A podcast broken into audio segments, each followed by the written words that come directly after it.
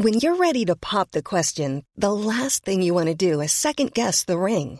At Bluenile.com, you can design a one of a kind ring with the ease and convenience of shopping online. Choose your diamond and setting. When you find the one, you'll get it delivered right to your door. Go to Bluenile.com and use promo code LISTEN to get $50 off your purchase of $500 or more. That's code LISTEN at Bluenile.com for $50 off your purchase. Bluenile.com code LISTEN. Imagine the softest sheets you've ever felt. Now imagine them getting even softer over time. That's what you'll feel with Bowl and Branch's organic cotton sheets. In a recent customer survey, 96% replied that Bowl and Branch sheets get softer with every wash. Start getting your best night's sleep in these sheets that get softer and softer for years to come. Try their sheets with a 30-night guarantee. Plus, get 15% off your first order at bowlandbranch.com. Code BUTTERY. Exclusions apply. See site for details. Hi, I'm Daniel, founder of Pretty Litter. Did you know cats tend to hide symptoms of sickness and pain? I learned this the hard way after losing my cat, Gingy. So I created Pretty Litter, a health monitoring litter that helps detect early signs of illness by changing colors, saving you money and potentially your cat's life. Pretty Litter is veterinarian developed, and it's the easiest way to keep tabs on your fur baby's health right at home. Go to prettylitter.com and use code ACAST for 20% off your first order and a free cat toy. Terms and conditions apply. See site for details. Jaha, det är fredag. Det är fredag. And I brought you gifts! No! No, kolla här va. Har du tagit... eh, Det är inte fredag för de som lyssnar. men- Åh, det är present på riktigt i Det är presentpåsen. present på riktigt. Så här är det. Ja, Eh, vi har fått presenter ja. baserade på våra olika personligheter. Nej. Från våra kompisar på Blue Billy som gör smycken. Nej, det här är Sofie Farmans Ja, påse. förlåt, jag kollar inte namnen först. Det här, Men- det här, det här eh, leder mig eh, in på att jag satt på middag där mannen eh, har fem flickvänner. Aha. Och, Alltså, han, och han var liksom inte... Nej, han var helt öppen med det och en av flickvännerna satt också runt bordet. Så berättade han att eh, det hade blivit lite struligt i julas. Ja. För att då hade de alla fem fått välja någonting från samma juvelerare. Och sen så hade han, ja, han hade rivit bort post-it-lapparna eh, på vem som skulle få vad. Så alla hade fått fel. Och Men det var alltså- så de kom på att det var fem flickvänner in, Jag kan, jag kan tänka att det är det där vi Men kallar gud. karma. Ja, Så bra och så värdelös. Fail. Mega verkligen. fail. På tal om motorrate som faktiskt är tema på dagens avsnitt. Men eh, vi ska inte komma dit än. Jag vill bara att, att ni ska minnas nu, för vi kommer lite senare komma in på, på temat igen, hur bra vänner vi är. Vi är Ja. så bra vänner. Mhm. Och det här är våra vänskapshalsband nu. Vad är det det det är? Ja. Vi är ju som, eh, som Rachel, Monica och Phoebe Friends. Och de här halsbanden följer lite våra personligheter så att säga. Sofie, kan inte du... Här. Sofie Firework Farman. Blixten symboliserar kraft, glöd och gnista. Den symbol- symboliserar även en plötslig insikt som drömmaren fått i sitt liv. 100 procent du? Aha. Jag fick då eh, Tove Safe Harbor Nordström. Eh, ankaret symboliserar att man har fötterna på jorden samt att man är stadig eller stabil. Det symboliserar även trygghet när stormen närmar sig. Ja. Ja, det lät ju trevligt. Jag fick ett sånt ankare av Kjell i födelsedagspresent. Ja. För han sa att han var mitt ankare då. Gulligt. Jag, jag skojade med honom då och sa att eh, han var mitt ankare som drog ner mig i slyn på botten. Ungefär som, du vet när hon försöker dränka sig själv i the piano. När hon eh, knyter fast sig själv i pianot och slänger över bord. Aha. Lite så, ett sånt ankare. Jaha, oj, nej, jag skojar. Eh, Okej. Kärleksromantiskt. Vad står det på din? Nej, alltså, han är superromantisk. Och jag med. Eh, Klara eh, Lunatic Svensson. ja. Månen symboliserar det mystiska, undermedvetna samt det lite galna i oss. Det symboliserar även en drömmare och att man lever med sina känslor, intuition. Och jag fick då en måne. Ja, men det, var- det var ju helt riktigt. Ja. Vi får ta en bild på det här och lägga upp på vår Instagram. Ja. Och förstår du nu Gud, när de fem gulligt. kvinnorna öppnar sina julklappar och ser att det är fel halsband? Alltså, ja, det är en bra, bra start. Mm, Då mm. säger jag bara så här, in med vignetten.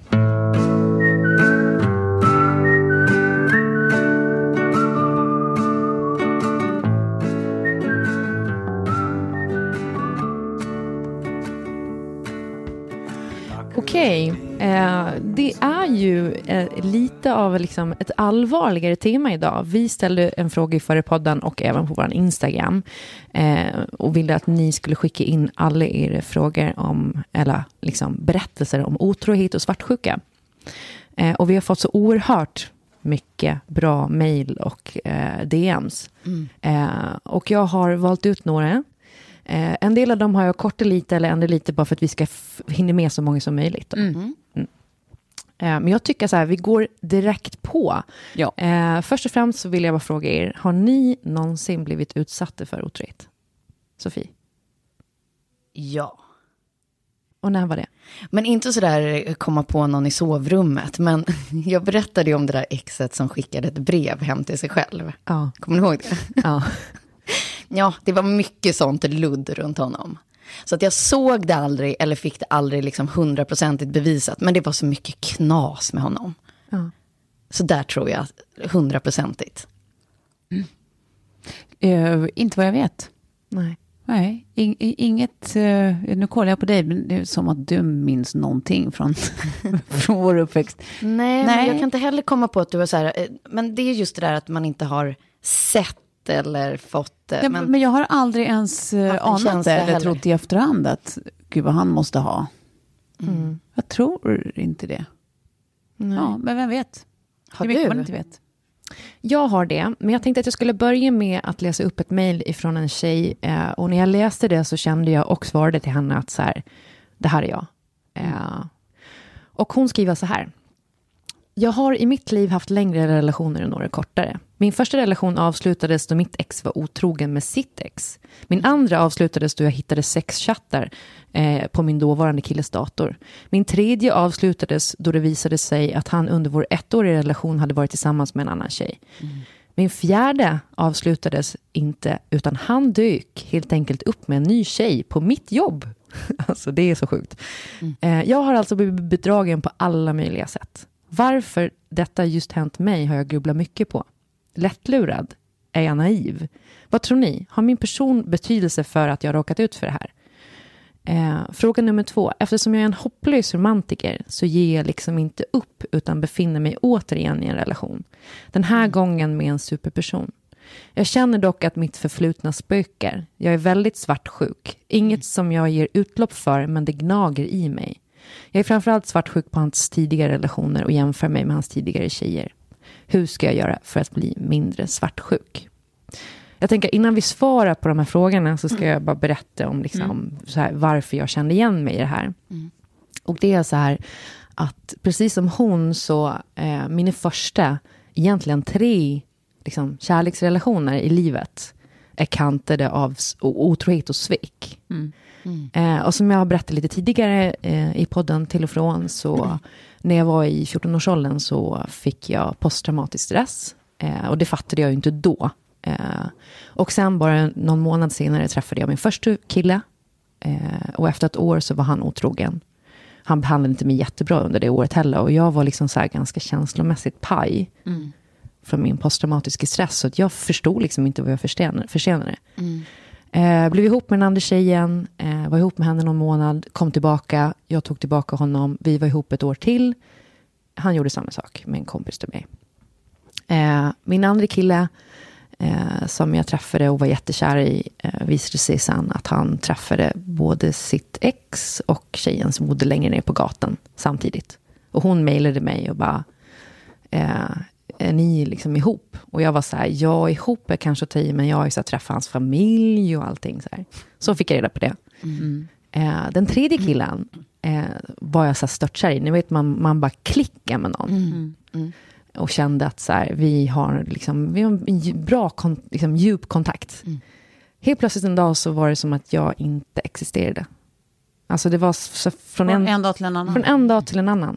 Eh, Fruktansvärt. och det fick mig att bli så här, alltså jag, jag kan inte känna mig trygg i en, en relation riktigt. Nej. Och det var de som tre första erfarenheterna jag hade. Eh, och det har liksom påverkat mig ganska mycket. Eh, framöver sen i mitt kärleksliv. Jag satt hos min terapeut häromdagen. Det här blir långt och djupt nu hörni.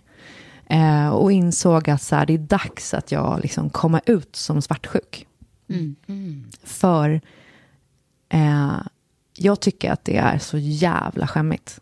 Och det är en av de grejerna som jag tänkte så här, det här kommer jag aldrig prata om i podden. För att det är liksom, jag vet inte egentligen varför, för som hon sa till mig att så här, who the fuck cares? Eh, jag har ju också kommit ganska långt efter många år av terapi och jättemycket bra mediciner. eh, och känner liksom att jag agerar inte längre på samma sätt på den svartsjukan, utan att det är mer en känsla av total panik inombords. Jag klarar liksom inte av när min kille så här bryter ett mönster. Typ som då han, den där killen som bara från en dag till en annan eh, inte var min liksom. Eh, och har haft problem tidigare med att jag så här, kollar mejl sms. Eh, men det fick mitt ex mig att sluta med faktiskt. Eh, för han var så här, var, varje gång så bekände jag och var så, hade så dåligt samvete, mådde skit. Hittade ju aldrig någonting såklart. Eh, och han var så här, bara, nej men jag tycker så synd om dig som känner att du liksom behöver göra det här. Och eh, med liksom det förtroendet så växte jag tror jag. Eh, så det har liksom tagit jävligt mycket jobb. Eh, och kommer dit där jag är nu, där jag känner, så här, som, som sagt, total förtvivlan ganska ofta. Eh, och panikångest liksom. Men jag försöker att inte agera på det. Men vad är det Kjell gör när du får de känslorna? Nej men det är liksom ingenting och det är det som är problemet om man utsätts för de här grejerna. Eh, och och det, vissa klarar nog av det bättre än andra. Jag hade inget skydd då. Eh, och en del kanske är svartsjuka utan att man ens har blivit utsatt för någonting. Alltså, så det är så olika såklart. Men, men det är som ett alarmsystem som, som är fel på.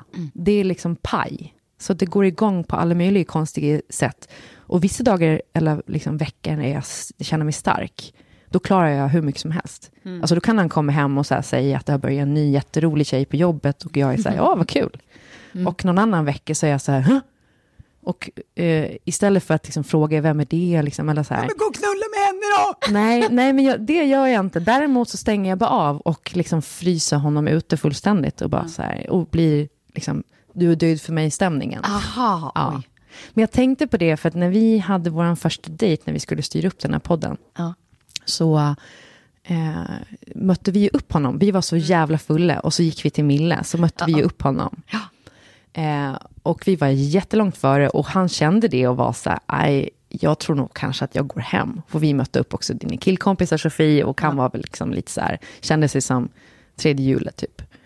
Och gick och jag fick total panik. Jag vet inte om ni märkte det? Jo, du, du, du gick ju också strax därefter. Ja, för jag var så här, för han var bara, han ville inte förstöra våran kväll. Och han gick och jag fick panik för jag kände så här, men gud, eh, nå- någonting känns fel. Vi hade, inte varit, vi hade varit ihop ett år då bara, liksom. det var ganska tidigt och sådär. Eh, ja, skickade en bild där också, vad roligt. Eh, nej men att, att det är så här små grejer som, som kan så sätta igång det här larmsystemet, att man bara får de här ångestkänslorna. Men han hade ju rätt i att han gick. För det var ju en killkompis till mig som blev lite förtjust i dig. Så när Kjell gick så sa han så här, åh vad skönt, nu har vi Kjell sorterat. så att ja, Man måste vara källkritisk och så vidare. Ja, så, så många bra skämt på det. Det jag skulle säga också innan jag glömmer är att den här, jag fick reda på det flera år senare, den här killen som eh, bara övergav mig, eh, kom fram till mig efter krogen, bara för något år sedan, och var så här, Alltså du måste veta, för han spelade innebandy i det laget vars föreningen som min brorsa var ordförande för. Och min brorsa hade väldigt stor makt i den föreningen. Eh, och många såg upp till honom och sådär. Så hade han på skoj på någon så här, eh, fest sagt att så här, om det är någon här som ens liksom kommer i närheten av min lillasyrra så kommer jag se till att ni aldrig mer får spela en dag i den här föreningen. Och han satsade ju på innebandyn då. Och blev liksom så här, han, han fick sån panik så att han bara avslutade. det var, där, det var Det var därför, och det fick jag reda på nu liksom. Eh, ja, vad blir det då? Det var din brorsas fel. Nej, Sex, alltså 15 år senare, att det var min brorsas fel. Och att han Oj, valde oj, innebandyn framför mig. Ja. Eh, Ja. Men också att han sa att han ångrade det. så det var i och för sig liksom lite så här. Redemption. Ja. Men alltså nu måste vi svara på hennes mejl, Ja, herregud. förlåt, det här blir väldigt långt. Men jag känner så oerhört mycket igen mig i det här. Och jag måste också säga så här, fan, folk har social fobi, folk har alla möjliga problem att vara svartsjuk. Liksom, så länge man känner att man liksom inte börjar kontrollera den man lever med. Eller att liksom inskränka på dens privata sfär som ju faktiskt är. Precis, så, så länge man inte tvingar den andra att liksom, alltså dela ansvaret för det problemet som faktiskt är hennes nu, Ja. liksom rättvist eller orättvist, så länge inte hon tvingar hennes nuvarande partner att ta ansvar för det. Exakt. Eh, s- så är det liksom bara en känsla. Men sen tror jag också att så här, det hjälper att alltid gå tillbaka, så här, när hon känner sig svartsjuk, att man börjar tänka sig, men vad är grundkänslan? Ja. Vad är grundkänslan? Vad, vad, vad är det som kommer ut som svartsjuka inuti mig nu? Är det alltså att det är så här, ja men att jag är orolig eller att jag är ledsen eller att jag tycker så himla mycket om eller att jag känner, tänker på det där gamla eller så här, vad är grundkänslan? För den är mycket lättare, alltså om, om man kan identifiera vad den är, Ja. så är det så mycket lättare också att hindra sig själv att agera på, liksom, alltså, Svartsjukan. svartsjukan i det här fallet, liksom, alltså, det som blir liksom maskeringskänslan. Precis, för det, eh, exakt det eh, upplevde jag, eh, upplever jag ganska ofta nu när jag börjar liksom ta tag i det här i terapi och så vidare. Att Det är så ofta som eh, jag egentligen tänker och känner eh, de, grejerna, de situationerna jag upplevde när jag var ung. Alltså så att när jag blir skitnervös för, att, för att Kjell har kontakt med en, en bästa tjejkompis, så inser jag att så här, jag egentligen tänker på när Ja. min första kille lämnade mig för sin Ja. bästa tjejkompis. Och det är liksom, Men det där är ju så elementärt i psykologi, att man lär sig att vissa känslor kan eh, fånga upp saker och ting som har hänt bakåt i tiden. Ja. Så att det är inte just den händelsen som Nej. händer just nu, utan det är att du trollas tillbaka till när det där hände och det är det du känner. ja. Eller rädslan Vilket- för att känna ja, det igen. Och så, och så träna på att vara i den, den känslan utan att agera på den. Nu skriver ju hon här att hon inte agerar på svartsjukan. Eh, Ja, men det är ju jättebra, men det känns ju också som att så här, för hennes egen skull, för det är också jobbigt att, att även om hon inte agerar ut på den, att hela tiden känna den så nej, men starkt. det är fruktansvärt. Och jag tror att det är där jag menar att det är så här, eh, försök att, att liksom ta det tillbaka till vad grundkänslan är egentligen, så blir det också skönare för en själv att så här, Nej, men det är ju egentligen inte att jag har anledning att vara orolig här. Eller att, eh, liksom, det är att jag, är, jag tycker så mycket om honom så att jag är rädd för att han ska si. Eller det är att jag känner igen den här situationen från blä. Alltså, vad det nu kan vara. För det, det brukar kännas bättre för en själv också. Verkligen. Ja, för jag har ju varit så i stunder har jag känt att, att jag klarar inte upp de här känslorna så att jag kan inte vara i en relation överhuvudtaget. Eh, men det har gått så, här- långt. Ja, och, och det, den känslan kan jag känna ganska ofta. För att jag vill ju inte agera, jag vill ju inte s- liksom, kontrollera honom. För det gör ju också att jag känner mig ännu sämre. Om han inte får leva sitt liv. Liksom. Nej. Eh, men, men det, gör, det, det blir en oerhört stark eh, panikångest i det. Och jag vet inte, det enda tipset jag har att ge är så här, fortsätt och liksom jobb på det. För vi kan fan inte ge upp bara. Nej. Vi kan inte bara säga nej, vi kan inte vara med någon för att vi liksom Nej. inte klarar av så här, eventuellt att bli sviken. Man vet ju också när man är så här klar i huvudet och i kroppen att man klarar av en otrohet. Man dör inte. Nej. Eh, eller att ens eh, kille slutar älska en eller vad det nu är. Eller en pa- ens partner.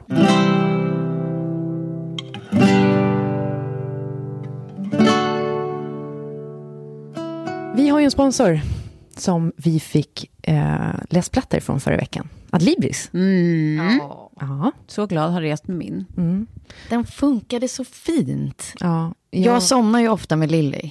Hon somnar tidigare, eller någon minut innan mig i varje fall. Men nu har jag fått en anledning att liksom hålla mig vaken. Ja. För då kan jag ligga där bredvid och läsa samtidigt, utan att behöva tända Precis. i rummet. Exakt, den funkar ju jättebra med skärmljuset. Ja. Jag har märkt också hur kåt jag är på teknik. Alltså. Jag Så är kåt på teknik? Kåt på teknik. Ja. Det hade varit roligare om, om det bara var punkter. Hur kåt jag är. Ja. Tystnad.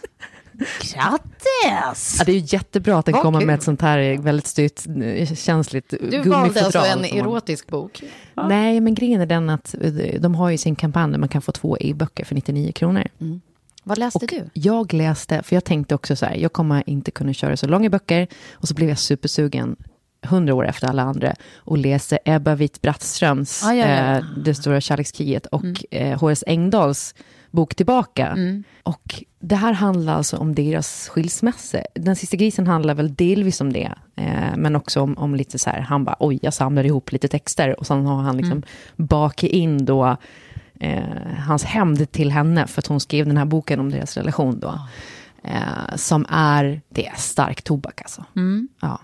Jag kan tänka mig det, jag har inte läst. Och båda, båda två, eh, jag tror eh, med den storleken på texten jag läste så var hennes bok 74 sidor. En punktroman kallar hon det för. Och hans var på 64 sidor. Så jag har ju liksom hinner båda två och haft det supermysigt med de här. Det där låter som böcker för mig. Ja. 64 sidor. ja. Men det är inte bara upplyftande läsning. Och Nej. sen efteråt när jag satt och bara, men Kjell, hallå, du har ju också kallat mig för surfitta. Alltså, vad, är, det är ju ett patriarkalt problem här, att du inte ser problemet. Han bara, kallar du mig för Horace Engdahl nu? Och sen så... Så satte det igång. Eh, nej men så att det är faktiskt skitmysigt. Eh, och så här, det känns roligare och lättare tycker jag nu när man har lättum, alltså Ja. läsplätten. Alltså, Eh, den här är ju mycket, jag har haft läsplattor förut, men den här är ju väldigt liten. Och sen har den ju det där silikonskalet eller vad det nu är för material som gör att det är ju helt stöttåligt. Så att jag har ju slängt ner den i väskan nu när jag har rest. Och det är så fruktansvärt mycket skönare än att så här slänga upp datorn eller, ja. men du vet, allt det här som tar plats. Eh, så att man öppnar ju bara liksom den här lilla, heter den lätt och två? Det gör den va? Ja, Jag har funnits den förra gången. lätt och frontlight 2 heter den. Mm, men den är, jag, på riktigt, jag, jag förstår att det kan låta som att jag inte eh, menar vad jag säger, eller att det är för köpt för att tro på. Men på riktigt så tycker jag att det här är toppen. Ja, och sen också... att- Skitmysigt att resa med. Jag har läst, jag vill ju alltid ha dina lästips. ja, nu, jag håller på, jag har faktiskt inte hunnit avsluta boken, men jag är mitt i um, Anders de Lamotte, som jag gillar sen innan, också såklart eh, thriller eller eh, deckare. Nu handlar det då om eh, ett barn som försvinner eh, när han är fem år gammal. Och sen så är det eh, om, eh, fokuserat kring stora systern i familjens eh, fortsatta liv, eller så här vuxenliv, och så är det tillbakablickar och så är det så här, kommer det in en person i hennes liv igen som känns som hennes lillebror som försvann och bla bla bla. Ehm, ja, verkar än så länge eh, hemskt spännande. Men eh, jag eh, tänker så här, är det någon som ni skulle vilja tipsa om att skaffa en Letto? Är inte en specifik person, typ alla. Ja. Alltså, alla som tycker om att läsa, eh, eller som skulle vilja börja tycka om att läsa, så är det skitsmidigt att, för alltså som sagt, den är liten, då kan ha med den överallt, så att det är så här mysigt, istället för att hålla på att släppa tunga böcker eller pockets, eller man ska iväg och resa eller vad fasen som helst. ja. Skitsmidigt. Jag kommer ge den i present. Ja, Känns inte det som en bra present Jo. att ge bort? Jo. Så kan man ladda den också vem med några böcker Till någon särskild? som kanske skulle vilja läsa lite. Ja, mysigt. Så kan man ligga där bredvid varandra sent på kvällen och läsa Ja, lite. precis. Och, Och och mysigt kyssas lite som nykära gör. Ja, ja, ja, ja, ja. Ni Ja. hör, vi har gått från A till A, Mm. Ja. Okej, tack så jättemycket Adlibris. Eh, det här är lite mer av en berättelse än en fråga. Och när jag läste den här så började jag alltså gråta floder. Det här den är, det är starkt. Det här är en av våra lyssnare som har mejlat dig. Ja, och hon skrev till mig, för jag frågade om jag fick ta upp den här i podden, och då skrev hon att så här, det är dags för mig att liksom äga rätten till mitt mående och ta tillbaka kontrollen över mitt mående. Gud, jag får liksom tå- tårarna bränna bara när jag så här, för att, att hon i allt det här kan vara så stark. Eh, det Ja, är... läs nu. Anyway, here it goes. Hej gänget, tack för en fantastisk podd. Ni alla tre inspirerar mig mycket i vardagen. Efter ett av era avsnitt där Sofie berättade att hennes höstmål är att fortsätta att inte sträva efter att allt ska vara så perfekt, eh, så gick det rakt in i hjärtat när jag precis blivit bedragen, enligt mig på det värsta sättet man kan bli. Här är min story. Efter väldigt många år tillsammans hade vi nu velat ta vårt förhållande till nästa nivå. Vi båda hade en längtan efter barn och vi bestämde oss för att börja försöka. På första försöket blev jag gravid. Vi båda var väldigt lyckliga och hade en längtan som inte går att beskriva. Graviditeten var upp och ner, men mestadels hade jag mycket energi och glädje i kroppen. Det nya året kom och jag var gravid i femte månaden. Min kille började träna mycket och allt handlade till slut bara om hans jobb. Hela våren gick och det fortsatte med fokus på jobb för hans del. Jag var höggravid, pendlade till jobbet två timmar varje dag och väldigt trött på kvällarna. Jag frågade flera gånger vad det var med honom, men han svarade att han bara längtade efter vår dotter. Och jag kände mig väldigt ensam. Till slut kom dagen då vår dotter kom till världen. Ingen var lyckligare än vi, trodde jag. Oh, gud, det här är så tungt. Vår dotter var 11 dagar gammal och till slut orkade jag inte mer. Jag fick efter många diskussioner och tjafs ett svar som vände upp och ner på hela vår situation. Gud, jag börjar grina nu. Jag och en kollega har fattat tycke för varandra, sa han. Till en början fick jag panik. Vad händer? Vi har precis blivit en familj. Jag fattade ingenting. Han var bestämd. Han poängterade för alla våra vänner och hans familj att ingenting hade hänt. Att de bara blivit förälskade och kommer ta det därifrån nu när alla kort är lagda på borden.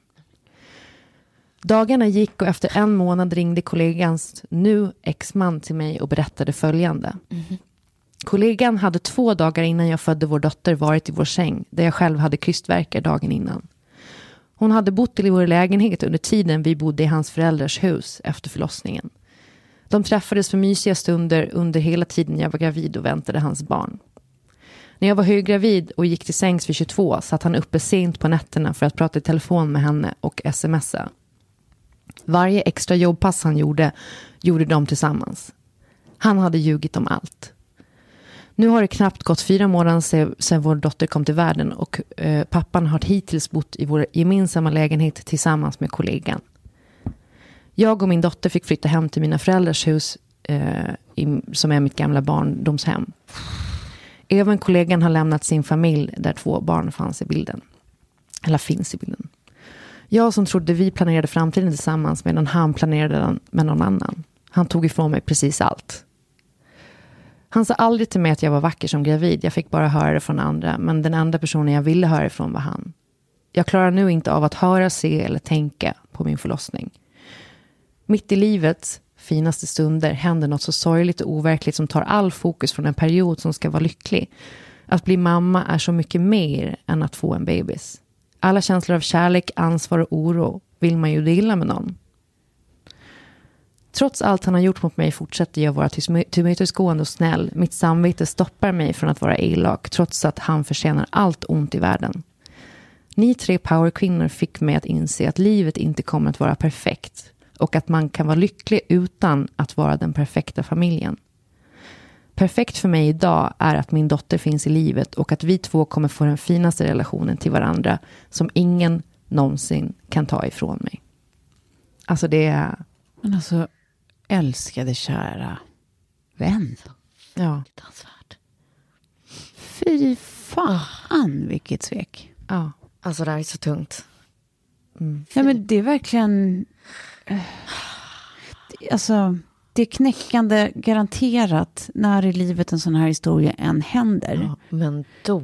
Men det finns ingen period i livet man är så Svag. utsatt och liksom Nej. svag och liksom bräcklig. Nej. Som under en graviditet, en förlossning och liksom postförlossningsperioden. efter.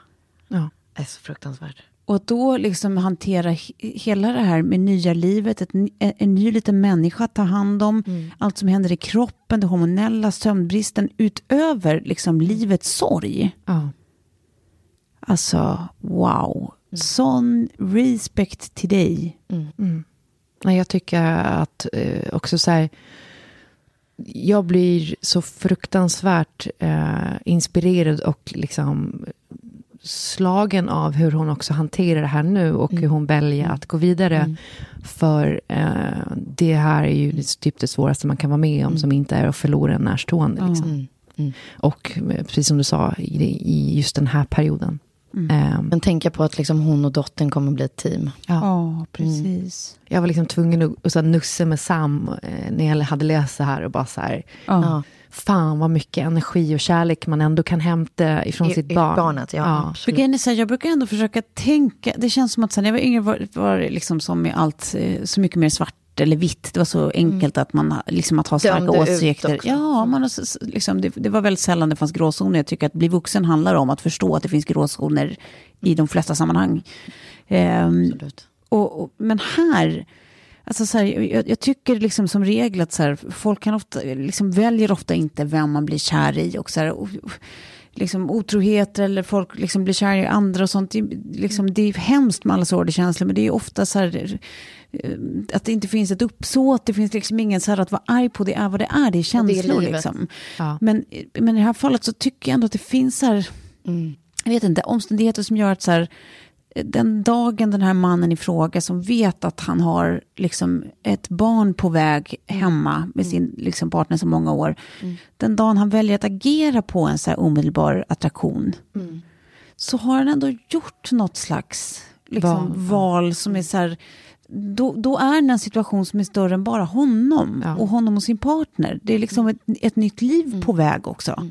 Och så här, in, ingen förståelse för eller liksom tanke kring hur det kommer vara varken för det nya livet eller för personen som liksom föder ut en människa ur sin kropp. Och liksom. kommer att gå liksom den, första, den första tiden liksom, och vara förstörd. Alltså så här, och utsätta bar, ens barn för det. Istället för att tänka så här, oavsett så om jag jävla älskar... egoistiskt så Ja, att man om jag älskar någon annan så måste jag ändå nu vara liksom, bäste kompis till den här kvinnan Ja. som föder mitt barn. Precis.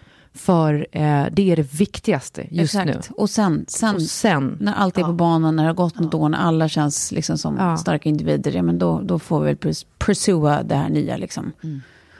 Åh, nej, gud vad jag tycker hon är en ja. Stark. kämpe. eh, jag, jag tog till och med i så hårt när jag svarade henne att jag skrev så här, han kommer till helvetet. Så är bestämt. Go to hell. Ja, men någonstans så här, sk- sk- skit i det, skit i honom, men huvudsaken är att hon fattar att så här, det, Ja. sannolikt, med absolut största sannolikhet så kommer det inte, så kommer hon ha gått igenom det värsta hon kommer behöva gå igenom i livet. Jag tar ju henne när jag säger det. Men att det är så här, liksom, hon kommer ha det lättare med det mesta framöver. Liksom. Och det vi ska säga också är att eh, liksom, vad är ens en perfekt familj? Hon har ju helt rätt. Alltså, här, En perfekt familj och ha ett perfekt, eh, en perfekt relation till, eller liksom en, en underbar relation till sitt, Sitt barn. ja, verkligen. Sen om det är flera människor där i bilden, underbart. Är det inte det, kan också vara underbart. Ja, och man kommer, eh, liksom, man kommer anpassa sig efter förutsättningarna. Ja. Så den- liksom, när, när hjärtat väl har läkt så kommer, kommer allt att kännas helt perfekt tror jag. Mm, Och man längtar till hon får träffa en ny person som, som liksom tar hand om henne. Ja, Och liksom finns där för henne och Ja. liksom ger henne grejer. Alltså i Verkligen. form av kärlek och trygghet.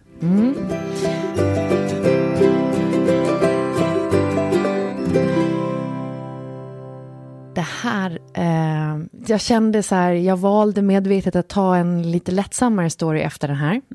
Eh, så, så att vi inte liksom... Okej, högt och lågt. Hej! Jag ska berätta min otrohetshistoria för er. Träffade mitt ex när vi var i sina tonåren och det var väldigt känslosamt och stormigt. Vi bodde tillsammans och efter jag hade varit bortrest över en helg kom jag hem och såg ett märkligt blåmärke på hans hals. Frågade vad detta var och han dumförklarade mig och sa att det var ett blåmärke han hade fått på jobbet. Mhm. Trodde på det och allt var bra i några veckor. Tills det kom ett brev hem till oss, adresserat till honom.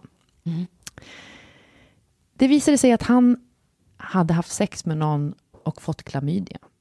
Till historien, Oj, oj, oj, till historien tillhör att han inte pratar svenska, så jag fick översätta och Nej, läsa upp nej, detta för nej, honom. nej, vad ovärdigt. Åh. En, en rätt surrealistisk känsla att läsa upp för Nej, en sambo sedan fyra år tillbaka att han fått klamydia av någon annan än mig. Det var ett tag sedan nu och det är en historia som jag kan berätta och nästan skratta åt för det var en sån sjuk grej, även om jag fortfarande har svårt att släppa in nya killar i mitt liv. PS, blåmärket på halsen var ju självklart ett sugmärke om det inte framkom. Tack för världens bästa podd. Men alltså återigen, Karmas bitch man. Så otroligt roligt att han inte bara får ett brev från liksom någon slags vårdinstans, utan att han dessutom måste be henne Ja. översätta det till honom. Och att han inte kan förstå att så här, det är aldrig bra att få ett liksom, så här, uncalled for letter av liksom... Alarm, alarm, alarm. Ja, men också här, att han ligger snett och inte ens skyddar sig. Ja. Alltså, dubbel evil. ja. Det, Det, är ju, det var ju bra att han inte gjorde så att han fick åka på det, känner jag. Jo, men alltså, man hoppas bara att hon slapp åka på det, här, det här är ju nivå med ditt brev ifrån din kille som skickade att han var så- så perfekt. Åh, vad, alltså, XXX, du är så underbar, du verkar vara så kär i din tjej, hon ska vara så lycklig att hon har dig. Och du har verkligen inte tittat på en enda tjej under de här veckorna på sypen. Ja. Ja, den är underbar alltså. Jag önskar att jag hade liksom behållit det där brevet och tagit en bild på det, för att det är sån skratteffekt. Ja, så här i efterhand i varje fall. Det var något alldeles extra. Ja, det var något alldeles extra. Eh, Ready to pop the question? The jewelers at BlueNile.com have got sparkle down to a science with beautiful lab grown diamonds worthy of your most brilliant moments. Their lab grown diamonds are independently graded and guaranteed identical to natural diamonds, and they're ready to ship to your door. Go to BlueNile.com and use promo code LISTEN to get $50 off your purchase of $500 or more. That's code LISTEN at BlueNile.com for $50 off. BlueNile.com code LISTEN. There's never been a faster or easier way to start your weight loss journey than with PlushCare. PlushCare accepts most insurance plans and gives you online access to board-certified physicians who can prescribe FDA-approved weight loss medications like Wigovi and Zepbound for those who qualify. Take charge of your health and speak with a board-certified physician about a weight loss plan that's right for you. Get started today at plushcare.com slash weight loss. That's plushcare.com slash weight loss. plushcare.com slash weight loss. Hi, I'm Daniel, founder of Pretty Litter. Cats and cat owners deserve better than any old fashioned litter. That's why I teamed up with scientists and veterinarians to create Pretty Litter. Its innovative crystal formula has superior odor control and weighs up to 80% less than clay litter.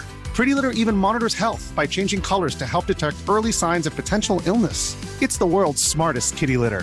Go to prettylitter.com and use code ACAST for 20% off your first order and a free cat toy. Terms and conditions apply. See site for details.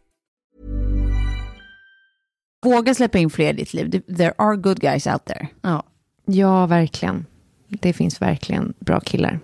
Fortsätt gå på de som behöver din hjälp och översätta Ja. brev från Häng- vårdinstanser bara. Häng med i vårt lag där vi tänker att vi kommer aldrig ge upp på kärleken. Nej, vi, vi, eh, vi försöker bara jobba igenom våra, Ja. våra svårigheter.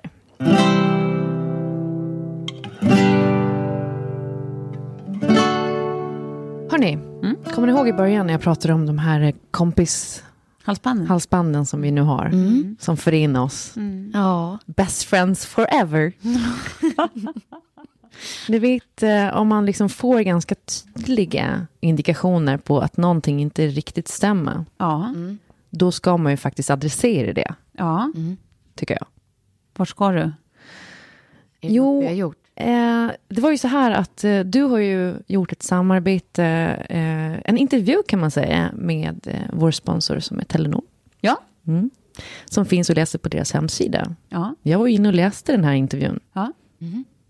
Jag har inte läst den. Jättebra intervju. Det var bara det att jag liksom snubblade över en liten mening som går lite så här. Planerar ni podden digitalt också? Frågar Telenor. Tove svarar. Vi har både en WhatsApp-slinga och en sms-slinga. Det är en del logistik. Det här tyckte jag var extra intressant med tanke på att jag aldrig har varit med i en WhatsApp-slinga för podden. Jo, men den har jag right here. Vi har visst en WhatsApp-slinga. Nope. Jo! Jag har ju alltid velat att vår sms-konversation ska gå över i en WhatsApp-slinga. Så att det, är, det, är, det har ju funnits en önskan, men jag har inte heller sett den. Alltså det här är, jag, I, I gave you halsband for God's sakes, kompis halsband. Och så har ni varit otrogna mot mig på det här sättet. Ah, Jaha, du tänker att det är jag och Sofie som har en slinga bakom din rygg? Är det det du försöker säga nu? Jaha, nej, ja, det har vi ju inte. Men vänta, podd, podd? nej, Tove. Jo, vi har en podd. Jaha, det är bara bilder i den. så, när skickades de bilderna? Ja, det var den 20 januari 2017. Okej, men då har vi ändå löst det. Det var, ju bra, det var ju bra att jag få, Ja, frågade. vi har inte varit otrogna. nej, nej, vi har inte varit otrogna. Nej. Gud, jag var tvungen att dubbelkolla här. Vad fasen har vi? Vad har vi skickat för bilder i den slingan? blir man ju lite nyfiken på ändå. Roligt ändå om du skulle försäga det. Det är där ni skriver allt skit om mig. Ja, exakt. det. Typ, bara, den här sjuka jäveln Fartman, vad fan ska vi göra? Ja, lite leds, ledsen blev jag ändå. Ja. Nej. Hörni, eh, så här är det. Vi håller ju på med en kurs eh, med Telenor, som handlar om att man ska liksom skaffa sig ett sundare skärmliv, någonting som vi alla tre faktiskt är i stort behov av. Ja. Ja. Eh, och den kursen kan man ta upp på deras hemsida. Eh, det är alltså telenor.se digitala livet. Där kan man också läsa den här intervjun. Eh, Där, där jag uppenbarligen ljuger. eh, där, där du, ja precis, du, du, du kallar det lögn, jag kallar det svek. Men eh, det, var, det var en väldigt rolig intervju. och fr- Ja. framförallt så, och också så otroligt fina bilder på dig och Sigge. Eh, men i alla fall, lektion nummer tre handlar om multitasking. Jag tror liksom att de flesta eh, som lyssnar på podden vet ungefär vad multitasking är, när man liksom har många grejer i luften samtidigt. Och då är det så här att eh, det tar ju oss ungefär 15 minuter att sätta oss in i en uppgift och sen prestera på topp. Eh, men grejen är att varje gång man då multitaskar och bryter liksom det fokuset och börjar göra någonting annat, så nollställs man. Så då tar det 15 minuter igen att sätta sig in Ja. eh, på topp, och hamnar på topp. Liksom. Men jag har kommit på att det här är varför, förlåt nu avbryter jag dig mitt i, men jag har kommit på att för när jag tog, eller läste den här lektionen, så, så liksom, det är ju verkligen 100% igenkänning, att man bara, ja det gör det. Och det här är nog varför jag tycker så himla bra om och hittar bättre fokus på kvällstid. Därför att då är det inte så här att det trillar in massa mejl, det är inte att telefonen ringer, det är inte, alltså, alltså det händer mycket mindre. Alltså det är Ja. mycket mer inaktivitet kvällen och natten. Vilket gör att man inte hela tiden måste börja från början med allt man håller på med. precis. Utan att man så här, det- är inte liksom en kvart. va- Liksom, Men nu kommer det ta 15 minuter för Klara att börja om. Ja. Ja. Nej, men alltså, det, det här är ju faktiskt ett problem. Ja, eh, ja. Nej, men för grejen är den att, att d- du har den lösningen. Jag kommer snart komma in på några tips, eh, konkreta tips som Ja. jag tycker är toppen. Eh, som handlar också om hur man liksom eh, riktar sitt eh, fokus och någonting som psykologerna kallar för stimulikontroll. Eh, att man reducerar saker som distraherar och sådär. Jag har ju utvecklat ett ganska förfinat system för det här redan eh, i och med att jag stänger av bara. ja, det gör Jag, det. jag klippar fullständigt. Det gör det verkligen. Jag, eh, så att när jag är inne i ett flow, då kan ingen nå mig. Nej. Och jag har också... Det är som att du har gått in i ditt inre rum ja. och stängt alla dörrar. Alla det är dörrar. ljudisolerat. Vad Men- lyxigt. Men jag kan också, har jag märkt ibland, svara på tilltal. Enklare saker. Ja, nej, kanske. Ha, ha, ha, ha. Och så vidare. Sociala koder. Exakt. Så folk tror att de når fram till mig. Men, men, men de som känner mig väl, de vet ju att min blick, den är död, då är jag borta. Ja. Gone. Eh, det här har ju ställt till mycket problem på jobb och sånt där, när, när folk tycker att jag är dryg, Ja. eh, för att jag inte svarar, eller, eller för att jag liksom bara, ja, nej, alltså robotröst.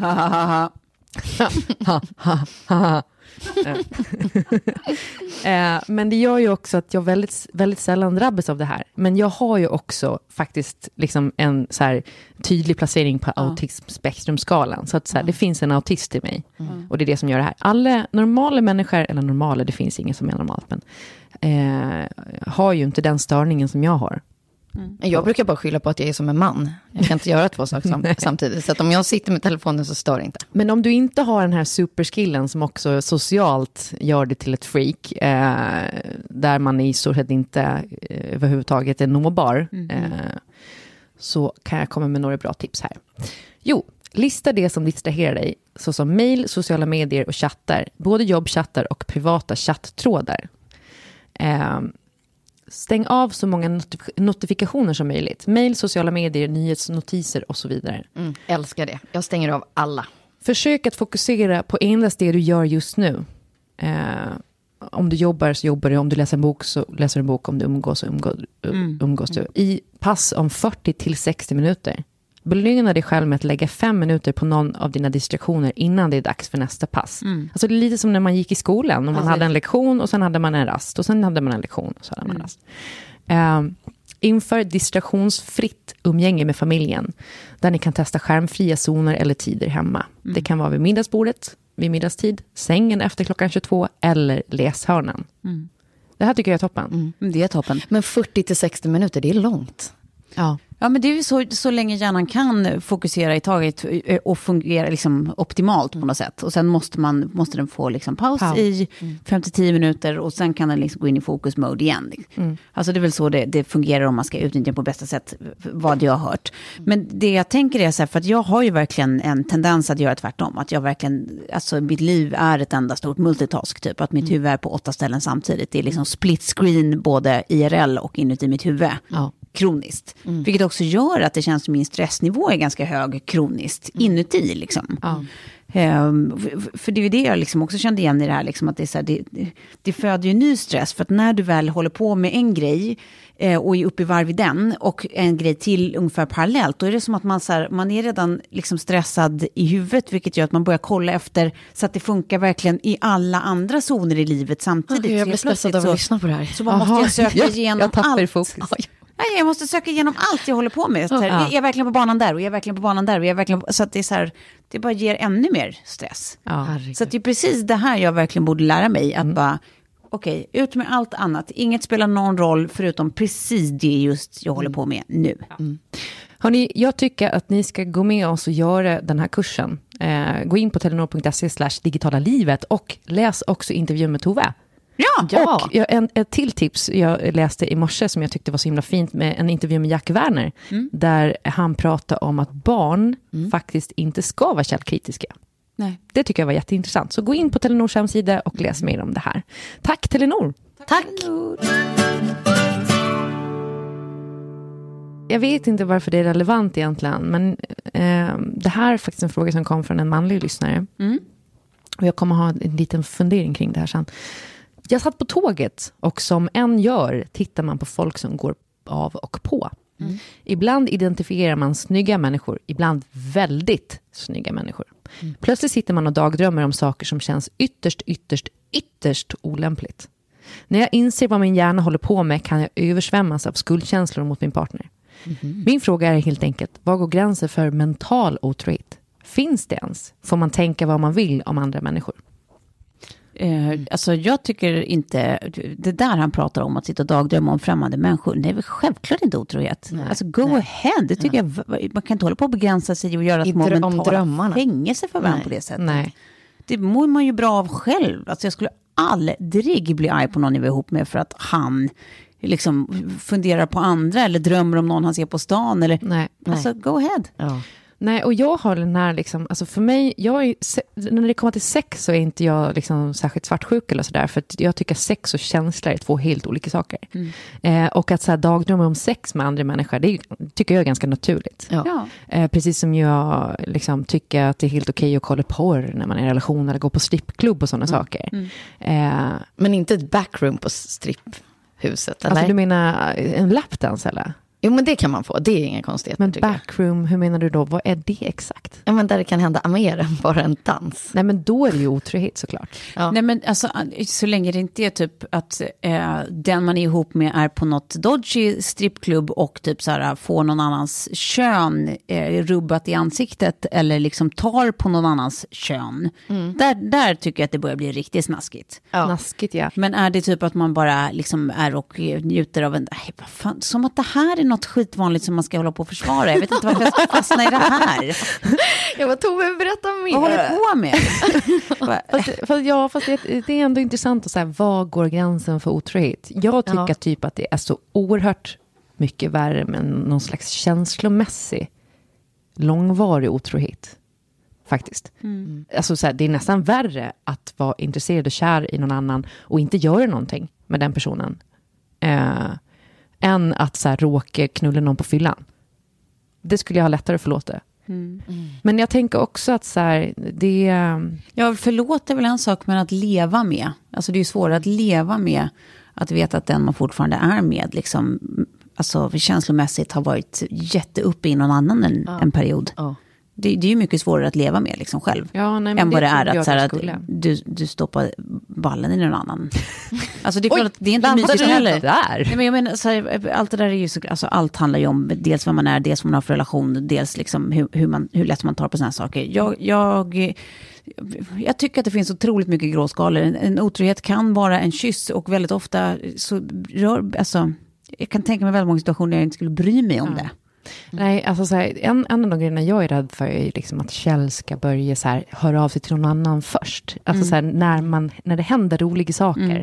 När man ser med kul eller annan. någon rolig så här, så här, jobbgrej. Att, så här, Jag vill att, han, att jag ska vara hans go-to person. liksom. Precis, top of mind. Och jag skulle bli så oerhört sviken om jag upptäckte att det fanns någon annan som var liksom den första man hör av sig till. Och på det med. sättet så har jag faktiskt i tidigare relationer faktiskt varit otrogen.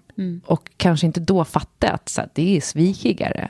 Att, Jag var min kille som, som eh, just det där delade allting med en tjejkompis natttid. Liksom, och så bara så här, men varför textar du med henne under natten? Ja, men hon bor i USA och då ligger ju du ändå och sover, så då kan jag inte liksom snacka med dig. Det var anledningen. Men det var ändå så här störigt att så här, vakna till och bara se den där skärmen som lyser och veta att så här, det är liksom chattas nu med någon Men du- i USA. Ja, men särskilt Helt- kanske också om man känner att, att man själv inte alltid får de bitarna i, i relationen. Att det är så här, men Nej. varför, varför ligger du inte och skrattar med mig som du uppenbarligen skrattar åt din telefon eller håller på med det här? Ja, Då är det ju precis. extra känsligt att man bara, fan det här känns verkligen inget bra, även om det inte är något fysiskt liksom. Nej, så att jag kan förstå det där med så här att man vill få vara den som... Det är go-to-personen. Ja. Verkligen.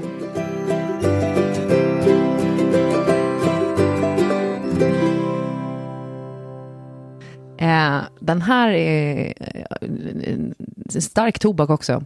Hej bästa ni, jag behöver råd. En kompis till mig har alltså en pojkvän som hon är förlovad med since way back. Sen har hon en kille till som hon blev ihop med i juni. De är också förlovade. Va? Ja, just det. I samma veva träffade hon en till kille, men de har bara varit ihop eh, som ett rikt- riktigt par i två, tre veckor. Men alltså går hon runt då med liksom förlovningsringarna undrar jag lite hur det funkar. Ja, Men alltså, de kanske inte har, hon kanske bara säger så här, nej men jag tror inte på förlovningsringar typ. Eller så har hon och så byter hon. Alltså gud vad det här är så spännande. det- just den lilla detaljen. Men hur lyckas man? Ja. Jag har inte träffat den sista i raden, bara förlovningskillarna. De två är helt fantastiska människor på alla sätt och jag tycker att de förtjänar bättre än det här.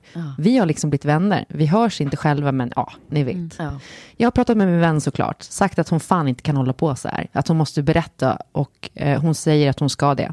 För mig känns det så i alla fall så att jag hänger med henne med hennes ena kille ena dagen och den andra Ja, killen den andra Ja, dagen. ja. Eller lyssna på snack om den tredje killen. Jag menar, jag upprätthåller ju hennes lögn. Jag ljuger ju också egentligen. Jag tål inte det här mer.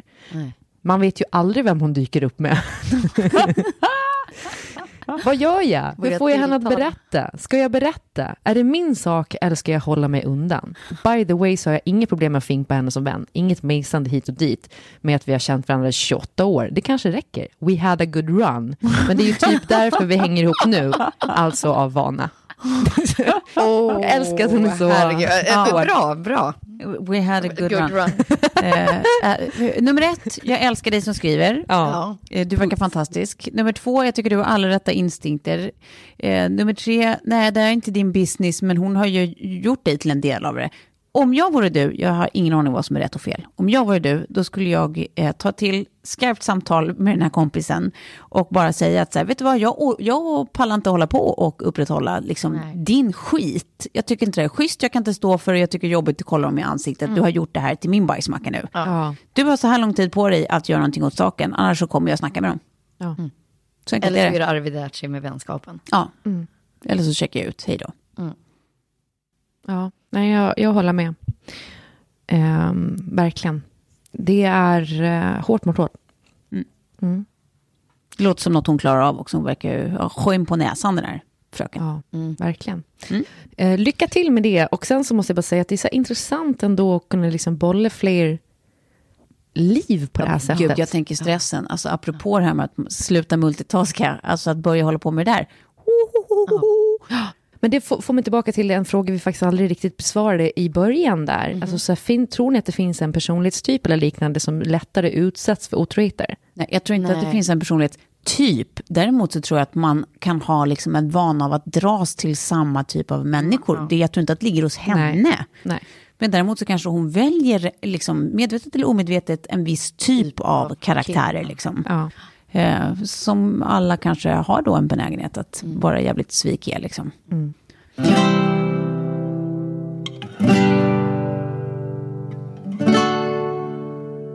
Eh, har precis fått veta att min pojkvän sedan ett år tillbaka varit otrogen väldigt nyligen genom ett meddelande på Instagram från den andra tjejen. Hon frågade om jag hade en relation till den här killen för hon har precis börjat träffa honom. Känslomässig otrohet för jag har fått bekräftat från henne att inget hänt. När jag får det här meddelandet eh, är jag med min pojkvän och han bryter ihop, säger förlåt och ber på sina bara knän att jag ska fortsätta älska honom och inte lämna. Det ska tilläggas att vi har haft det tungt senaste månaden på grund av stress och mår dåligt i huvudet från hans sida. Men vi har pratat om det och, och tyckt att det är okej att det är lite tufft. Vi pratar ju med varandra och vi älskar varandra. Det här är som en spark i huvudet och jag är helt ur fas. Eh, jag har delat upp allt i två eh, liksom delar. Eh, en sida där jag känner mig stark och stöttar honom i att han mår dåligt och börjar gå terapi. Och en sida där jag måste tänka på mig själv, hur jag ska må bättre och komma tillbaka. Hur orkar man? Hur kommer man ut på andra sidan och är okej? Går det ens att rädda och gå vidare tillsammans? Borde vi det? Borde jag det? Just nu vill jag typ ligga hemma i pyjamas, dricka whisky och inte tänka på det. Ska tilläggas att jag känner skam och att det är pinsamt att jag fått det här meddelandet från den andra tjejen. Som att jag skäms för att min kille varit otrogen. Det där tror jag är jättevanligt med den här skammen. absolut. Och det var också det jag tänkte vi skulle lyfta upp just liksom. Eh, att det finns oerhört mycket att man vill liksom ha en perfekt fasad. Det tror jag är så mänskligt. Ja, men, och, i, all, i hela den här mentaliteten med offerskam, vad, vad Ja. man än är offer för, den är så fruktansvärd, för man är så dubbelbestraffad. Liksom. Nej, men det är som att, att, man både utsätts för någonting man inte mår bra av och att man dessutom ska bära skulden för eller känna, skämmas över det. ja, för det, för det finns också någon slags, jag tror eh, att människor målar upp en bild av att om jag var perfekt så skulle jag inte bli utsatt för otrohet. Så att nu när jag är, har blivit utsatt för otrohet så måste det vara något fel på mig. Om man tror att folk ska tänka liksom mindre om. Ja, ja, precis. Alltså så här, och det, det är ju en tankevurpa såklart, men jag tror att de flesta faktiskt har den när de drabbas av det här. Jag måste bara säga så här, okej, ett, drick whis- whisky i pyjamas. Gör det bara. Gör det bara. Ta tid. Ta tid och bara ligg där och drick whisky, det kommer bli toppen. Eh, men två, har man varit ihop med en person i ett år, Ja, jag så tycker jag att det inte finns utrymme för sånt här. Jag är ledsen. Då är det nästan så här nyförälskelsefasen. Ja, och att så här, eh, man Han har börjat träffa en annan. man har fortfarande sex liksom, på någon slags kanske galen nivå och så vidare. Och man känner typ så här, vad, alltså, vad, vad, varför finns behovet ens? Jag får lite ta- så här känslan av att den här killen har ett mönster, en otrygghet i sig själv. Han känns inte stabil. Nej, men det är ju det här de behöver- ska bygga på. Det här är ju deras första byggsten. Ja. Om redan den är liksom lite brusten. Så det, vi är inte liksom tio år in och tre Nej. barn senare Nej. och massa annat. Utan det är, så här, det är det här de ska bygga på. Nej, men jag, jag, jag, jag tänker samma, att det är så här... Eh, ja, men det, det är såklart omöjligt för någon att säga utifrån exakt vad de har för relation och vem han är och vem hon är och liksom vad de är för varandra och sånt. Eh, Så det är ju klart att det inte går att säga vad som är rätt och fel här. Men jag tycker precis som ni säger att det är, så här, det är klart alarmerande att det är efter ett år, var han än är i huvudet, att det här blir en liksom, konsekvens. Att det är så här han agerar när han mår dåligt. Ja. För det känns liksom kanske inte så superstabilt att bygga vidare på för dig. Sen, sen tycker jag också det är viktigt att säga, å andra sidan, så här, alltså det här säger vi för att vi vill att du ska vara rädd om dig själv. Ja, verkligen. Men sen tycker jag inte heller att så här, alltså det är viktigt att du tar med dig att så här, ingen kan döma dig för vad du än väljer. För bara du vet egentligen så här, hur du mår av det, vad som händer inuti dig, vad ni har liksom bara er emellan. Så, att, så här, det här måste du avgöra själv. Bara gå på så här, vad du på riktigt tror att du mår bra av och försök att göra en nykter bedömning i så här, vad det kostar dig. Ja. För det får liksom inte kosta för mycket att ta hand om någon och ha överseende med någon. Och inte så här tidigt ändå. Nej, så alltså. tidigt. Nej. Det är svårt, men, liksom, men verkligen tänk igenom noga. Och så här, försök att hitta någon slags inre kompass här. Precis. Eh, fan, så här, jag är så glad att jag har dig i mitt liv, Tova. Det är jag också Nej, Nej, men- men, men jag bara, så här, när du säger, du säger så kloka saker som man blir Ja, helt... jag vet. Guys! Ja. Ja. Vi, vi, vi, är så glada att vi kan ge Tove till världen här. ja, jag vet. Jag känner, ja. Okej, nej men alltså mitt huvud sprängs snart så nu får vi prata om något annat. Ja, vi ska faktiskt prata om att det här avsnittet lider mot sitt slut. Så tråkigt. Eh, det finns en liten, liten del kvar eh, med tanke på fråga och svar och att ni förmodligen inte alls har tröttnat på min röst vid det här laget. Nej, Det är ju bara, det kommer typ, man aldrig göra. alltså jag har aldrig pla- pladdrat så mycket. Jag är så torr i munnen nu. Helt sjukt. Eh, torrare än efter en avsugning, höll på att säga. Men då är man ju raka motsatsen. I alla fall. Så här är det. Vi fick, eh, förlossningsavsnittet har ju varit ett av de mest lyssnade, en supersuccé. Ja, eh, så roligt. Grattis Kjell, din fina stämme. Och du? Eh, ja, jag födde ju bara barn, men vad är det? Ja. Eh, och det kom väldigt mycket frågor sådär eh, efter. Ja. Eh, så att jag ringde faktiskt upp Libros barnmorska. ja. Mm. Eh, och eh, vi pratade lite. Mm. Så eh, ni får lyssna på det nu. Så eh, tar vi och säger hej då. Mm, det blir som en liten extra bonus. Ja, eh, en- vad snällt. En liten härlig fråga-svar-svans. Ja. Med lite praktikaliteter och bra, bra snack med barnmorska. Bra gjort, Klara. Så, Tack för nu idag. kommer precis mitt snack med Karina. Puss, puss. puss.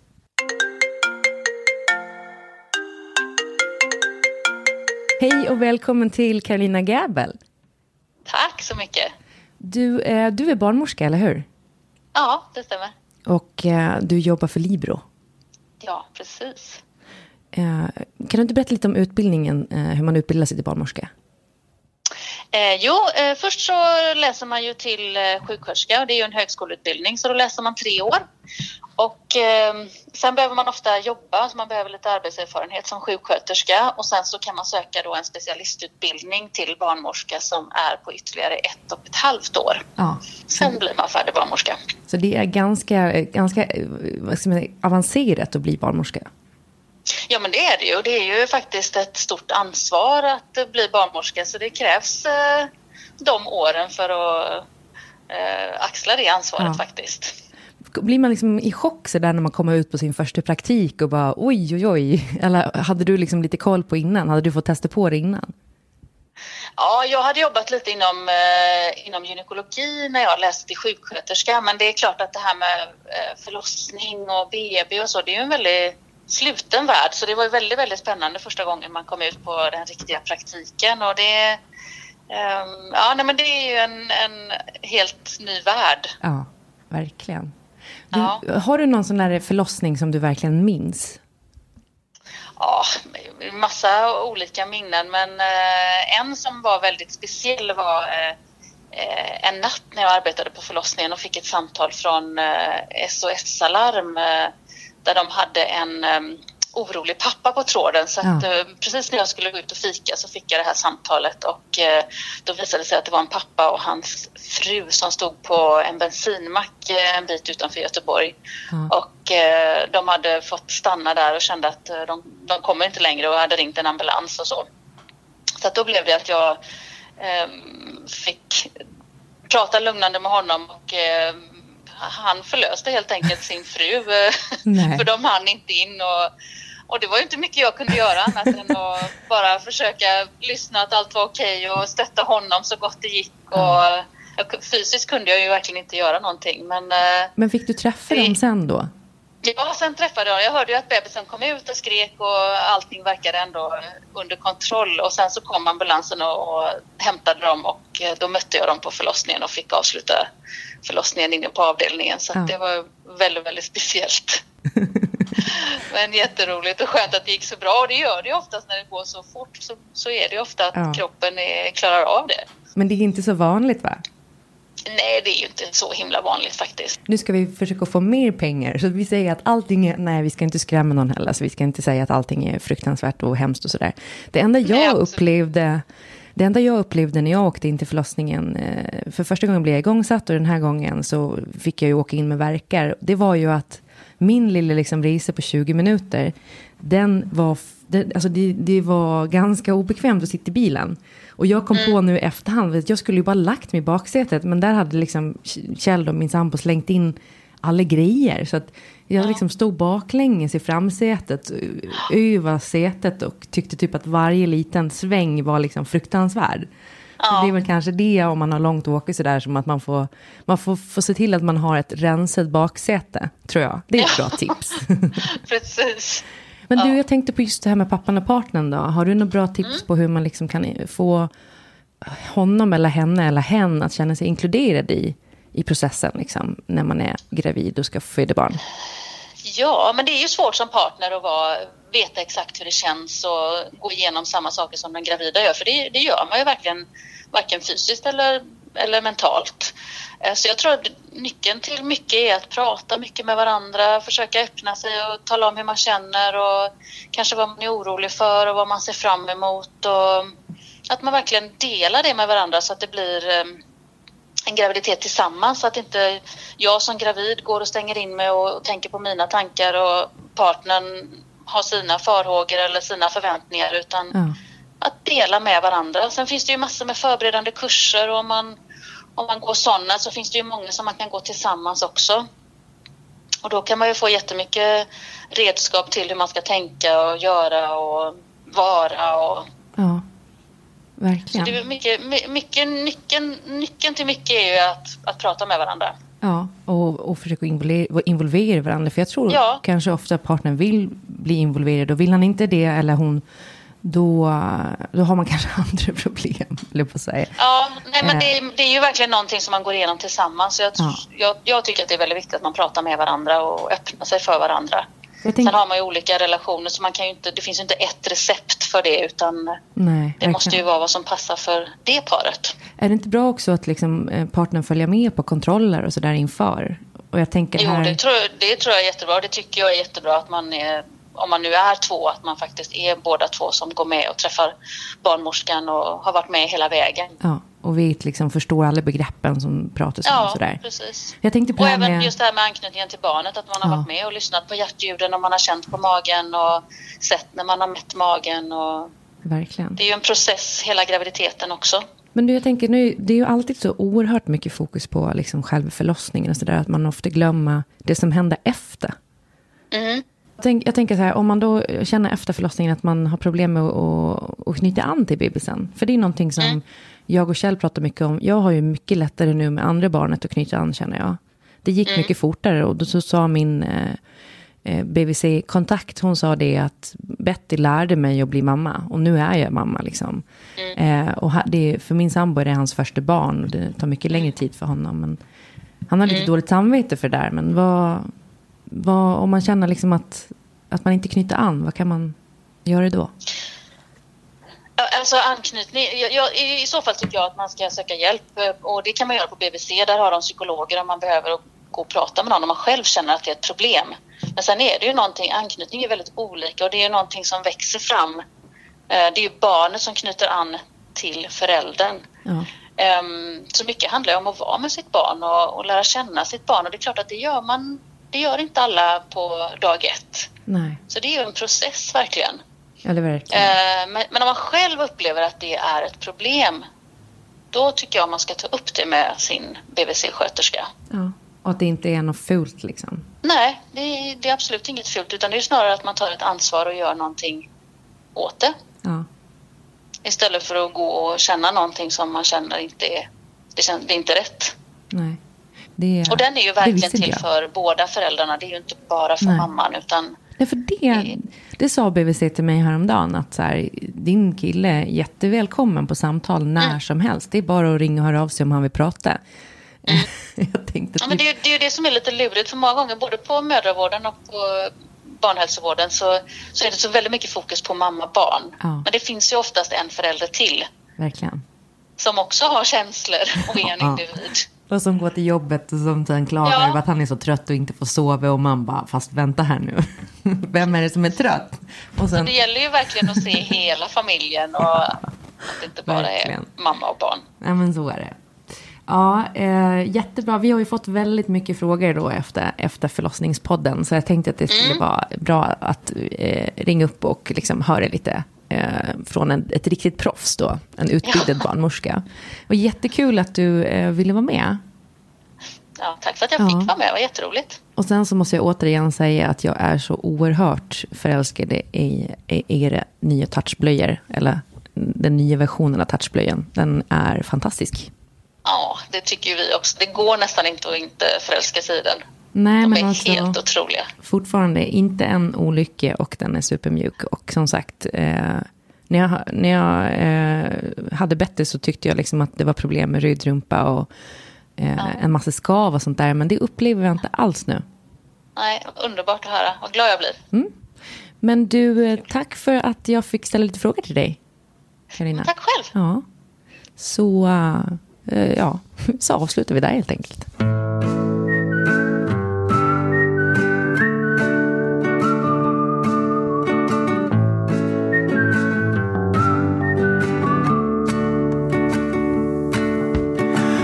Could be the one to make you laugh. I have in the past, now that's a start. I could be the one to make you smile. I have and I keep each one on fire.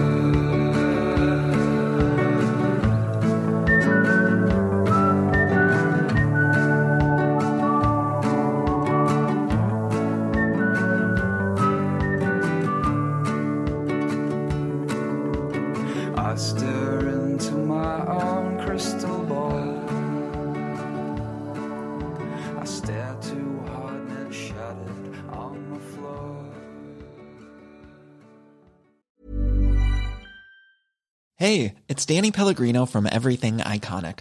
Ready to upgrade your style game without blowing your budget? Check out Quince. They've got all the good stuff shirts and polos, activewear, and fine leather goods, all at 50 to 80% less than other high end brands. And the best part? They're all about safe, ethical, and responsible manufacturing. Get that luxury vibe without the luxury price tag.